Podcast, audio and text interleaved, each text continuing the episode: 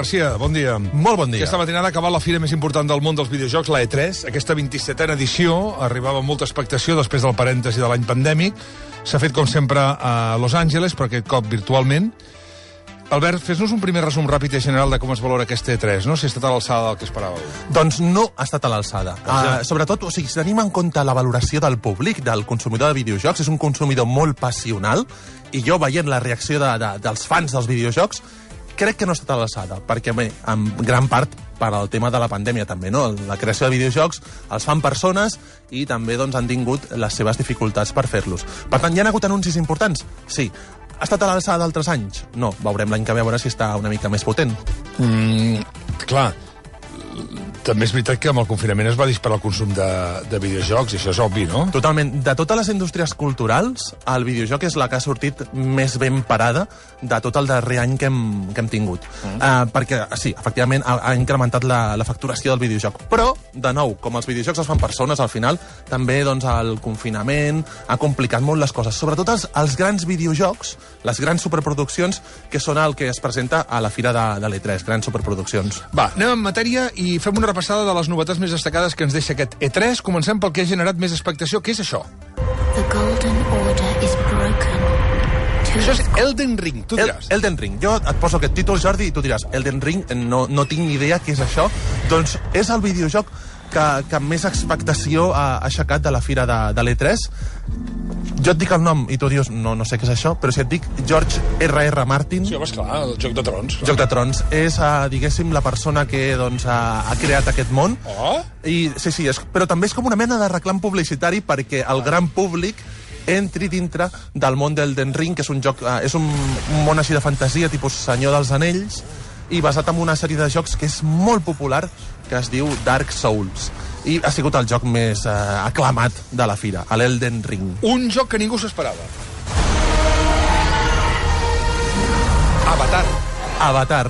Però Avatar és Avatar? Avatar de la pel·lícula de James Cameron. Exacte.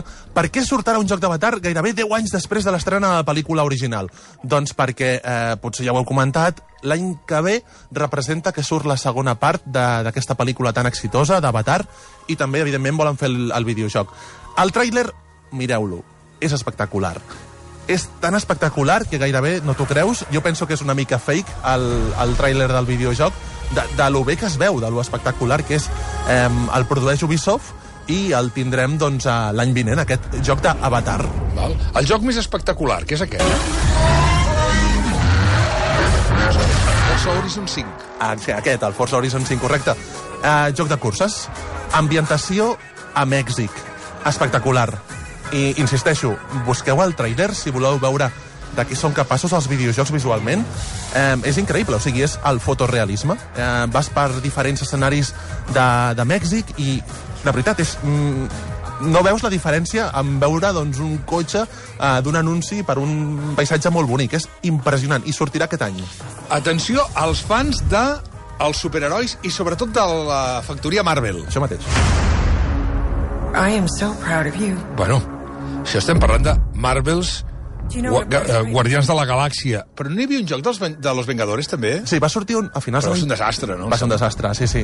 Eh, no va funcionar gens bé el joc de Los Vengadores, però, atenció, perquè aquest de Guardianes de la Galàxia a mi m'ha agradat, i no sóc superfan dels superherois, però, ostres, l'he trobat amb molt sentit de l'humor, eh, a una experiència, doncs, que valorarà molt la història i, i molt narrativa, així que l'he trobat molt xulo, i el trailer també amb aquesta música rotllo anys 80 també és fantàstic. El joc independent i abocador que ha descobert l'E3. Es diu Somerville. Somerville. És un, un joc amb una música, com veieu, així com molt, molt intimista, eh, i som una família, eh, la, eh, un, un home, una dona, el fill i el gos, que han de sobreviure a una catàstrofe, i és, és molt maco, és molt abocador, molt bonic, és un joc independent, i també és d'aquests, sembla que em repeteixi, no? però si podeu busqueu el tràiler de Somerville, perquè és, és, és realment una, una cosa molt bonica. És, eh, els videojocs no sempre són el típic joc d'acció, de curses o de futbol, sinó que tenen expressions cada vegada més, més xules. Un clàssic.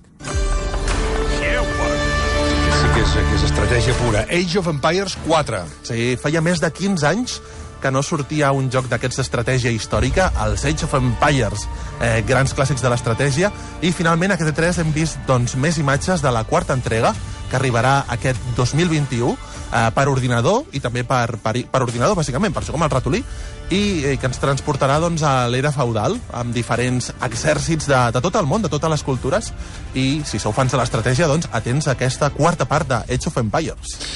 I després un altre clàssic és el Final Fantasy. Kill chaos. That's my mission. Però no gaire ben rebut, eh? No, no, no. És, és, és un Final Fantasy molt diferent de tots. Centrat en l'acció directa. Molt diferent del que estem acostumats als fans de- d'aquesta sèrie tan, tan mítica de jocs japonesos. Eh, estèticament molt fosc, molt violent.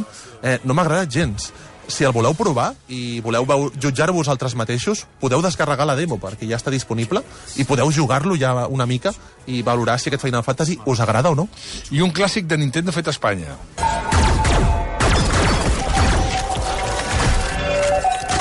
El nou videojoc de Metroid es va anunciar ahir a la tarda, va ser doncs, la conferència de Nintendo, i és un joc d'una sèrie de jocs d'acció, que és Metroid, que és mítica, té, compleix 35 anys aquest any, i el desenvoluparà un equip madrileny, que és Mercury Steam, i té bona pinta, té bona pinta. Està bé que també jocs de Nintendo no només els facin al Japó, sinó també a, a altres països. I un altre joc d'acció, en aquest cas multitudinari, que es diu Battlefield. Aquest era el, el Battlefield, Battlefield? Battlefield, el, el, el, el, el, el, el, el Cristiano Ronaldo de, del, de l'altre joc, com es deia? Del Call of Duty. Del Call of Duty. Exacte, el Cristiano Ronaldo Call of Duty. M'agrada la definició. És, eh, sortirà també aquest any Battlefield 2042. 2042 fa referència a l'ambientació, és una mica així com futurista, molts drons, moltes històries, i té bona pinta. Partides de 128 jugadors, una, una meravella. Val. I no podem acabar sense parlar d'un dels grans noms de la presentació que va fer Nintendo, que és el nou Zelda. Legend of, Zel of Zelda Breath of the Wild. Que, per cert, pel que he sentit que deies aquest matí, això, això ha anat una mica correcuita, no? Em sembla? Sí, sí, sí, sí. Uh, aquest matí ho comentàvem.